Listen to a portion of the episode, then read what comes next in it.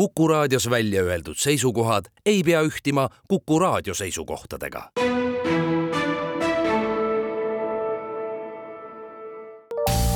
terviseks. saade valmib koostöös Ida-Tallinna Keskhaiglaga. vaata ka itk.ee tere, head Kuku kuulajad, eetris on saade Terviseks ja kui me eilses saates võtsime kokku Ida-Tallinna Keskhaigla kahe tuhande kahekümne kolmanda aasta rõõmud ja väljakutsed, siis tänasel teemal jätkame. mina olen Ingela Virkus ja koos minuga on stuudios Ida-Tallinna Keskhaigla kommunikatsiooni- ja turundusjuht Inge Suder, tere taas! tere! Te mainisite ühe sellise olulisema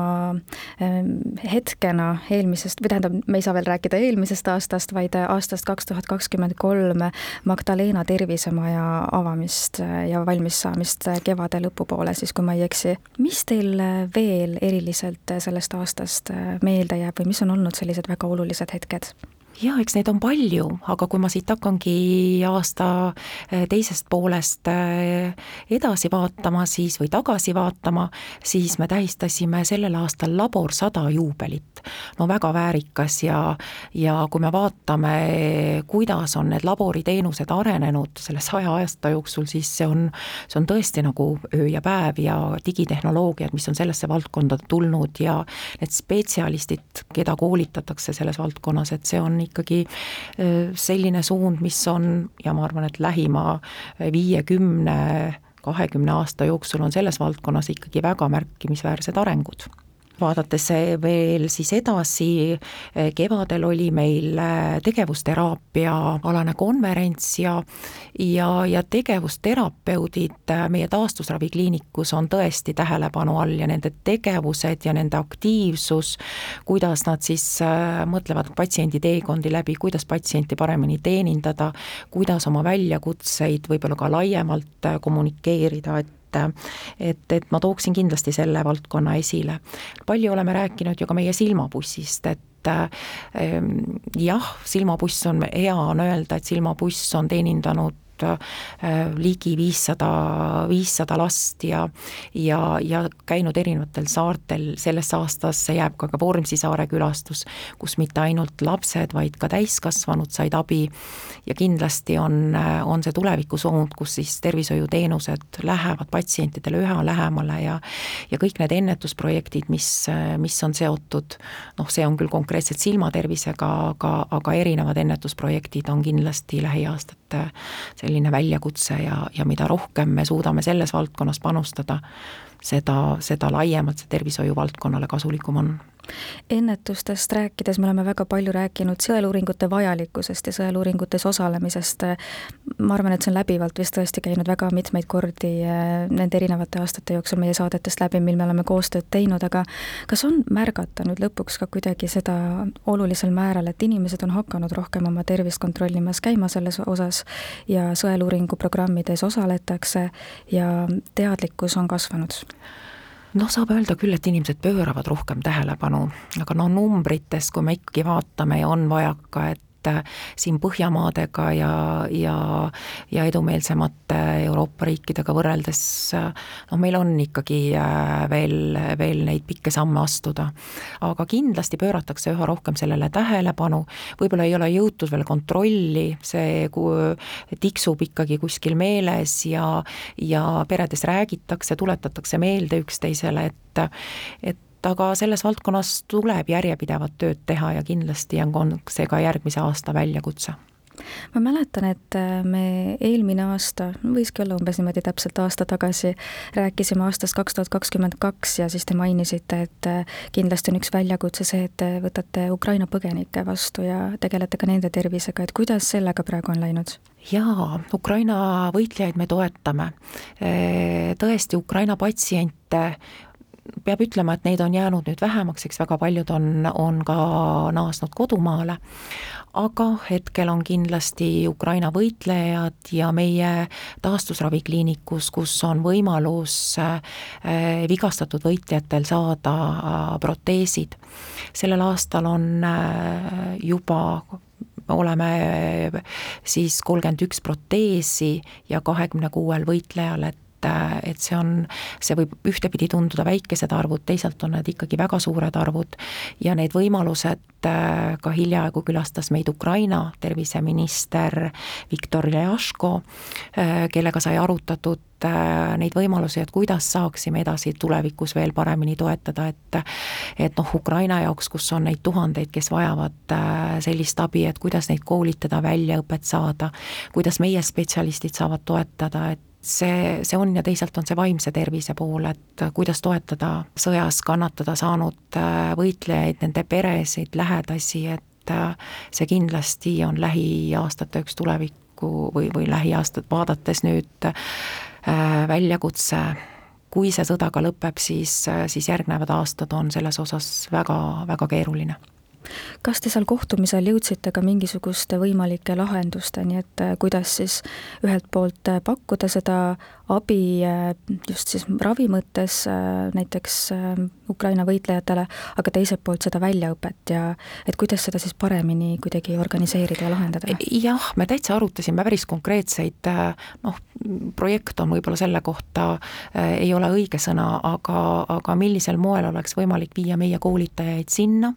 sest ja nende, keda me saame välja õpetada, tuua ka siia, sest äh, patsientide liigutamine on kõige keerulisem selle, selle puhul, et aga eks me peame ju tunnistama, et äh, ka proteesimeistreid ei ole Eestis üleliia, et et, et kuidas seda kõige paremini korraldada, seda õpet, kuidas tuua sealseid spetsialiste siia, kuidas, kuidas neid siin välja õpetada, kui pikalt, mismoodi teha neid järel, järelkoolitusi, kuidas seda siis neid toetada ja kontrollida, et, et selle puhul on päris, päris palju selle üle räägitud ja tegelikult päris konkreetseid samme ka juba ette võetud. Proteesimeistrid, te mainisite, et olete Elukaare haigla ehk et sünnist surmani kõik valdkonnad on esindatud töötajaid, ma saan aru, on umbes kaks tuhat viissada. mida tähendab igapäevane töö nii suures haiglas, et et te olete kommunikatsioonijuht, et kuidas seda kommunikatsiooni nii suures haiglas liikuma saada? noh, see on kindlasti väljakutse, et äh, kes on suurtes organisatsioonides töötanud, et et alati on see info liikumine ülevalt alla ja alt üles ja vertikaalselt ja horisontaalselt ja, ja, ja osad tunnevad, seda infot on liiga palju ja teised jälle ei saa seda infot piisavalt kätte aga me iga päev selle nimel teeme tööd ja ja, ja kui te küsite, kuidas on, siis see on kindlasti koostöö. no märksõna on koostöö, et et ega sa muidu ei saa suures kollektiivis, et üksteise toetamine koostööd tehes, niimoodi saab äh,, niimoodi saab edasi minna, et äh, kindlasti on see väljakutse, aga see on ka võimalus. Te mainisite vist eelmises saates ka seda, et äh, ühelt poolt on, saame rääkida kogu aeg pidevalt sellest probleemist, et õdesid on vähe ja erialaarste on vaja, aga teiselt poolt tasub mõelda kogu aeg ka sellele, et kuidas hoida neid olemasolevaid töötajaid ja spetsialiste, et mida te teete siis näiteks Ida-Tallinna Keskhaiglas just selleks, et, et hoida neid oma inimesi ja pakkuda neile seda motivatsiooni ja, ja hoida nende vaimset tervist ja füüsilist tervist? Äh, väga ilusti ütlesite, et tõesti see vaimse ja füüsilise tervise hoidmine on, on oluline ja selleks on, on meil võimalusi olemas ja ka erinevaid koolitusi ja eks ta on see märksõna üksteise märkamine, üksteisest hoolimine ja, ja hoidmine, et äh, eks neid võtteid on erinevaid, aga me oleme eelkõige panustanud koolitustesse ja õpetamisse, et erinevad projektid, mis selle raames äh, haiglas on, on käivitatud ja projektidest on saanud juba täiesti valdkonna suunad, et, et sinna me panustame mida rohkem me oma inimesi koolitame, täiendame, õpetame, eh, seda rohkem tuntakse seda meie tunnet ja, ja, ja on võimalus eh, koos aktiivselt edasi minna, et mm, et noh, nagu me oleme siin varasemalt rääkinud, et me alustasime tööd juba, juba gümnasistidega ja tervishoiukõrgkoolidega on meil äh, väga aktiivne koostöö. et et, et noh, niimoodi me neid spetsialiste saame hoida ja nagu me oleme rääkinud, meil on ka väga palju tugispetsialiste, kes on oma valdkonna tipud. et kui me ühtpidi on meil tervishoiuspetsialistid, kellesse me tõesti panustame ja teisalt on meie, meie tublid tugispetsialistid, et et see kollektiiv oleks ühtne, et see kindlasti on, on märksõna, et kuidas siis, kuidas siis äh, erinevad osapooled omavahel infot jagavad, äh, millised on ühised ettevõtmised, et neid võimalikult siis esile tuua, töötajate tunnustamine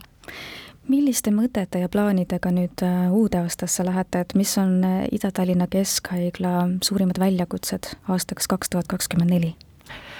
No kaks tuhat kakskümmend neli on kindlasti, äh, kindlasti meie, meie taristu ja meie, meie inimesed, et noh, palju räägitakse Tallinna Haiglast ja ja eks meil on kõigil pöidlad peos, et selle, selle projektidega saab edasi minna, kas varem või hiljem. et me ju, me ju näeme, et et meie, meie hooned vananevad ja renoveerimine on, on väga kallis. aga eks me teame, et raha on täpselt nii palju, kui seda on ja, ja võimalikult äh, hästi seal nendes tingimustes majandada. ja teine suund on kindlasti meie inimesed, et, äh, et see inimeste hoidmine ja, ja et vähendada personali voolavust, et inimesed tahaksid töötada just meie haiglas, et, äh, et see on see märksõna, kuhu me edasi liigume aitäh teile saatesse tulemast, Ida-Tallinna Keskhaigla kommunikatsiooni- ja turundusjuht Inge Suder ning ilusat vana aasta lõppu nii teile kui kogu teie meeskonnale! ja ilusat vana aasta lõppu kõigile Kuku raadio kuulajatele, olgem terved, hoidkem üksteist ja, ja toetagem üksteist! terviseks! saade valmib koostöös Ida-Tallinna Keskhaiglaga, vaata ka itk.ee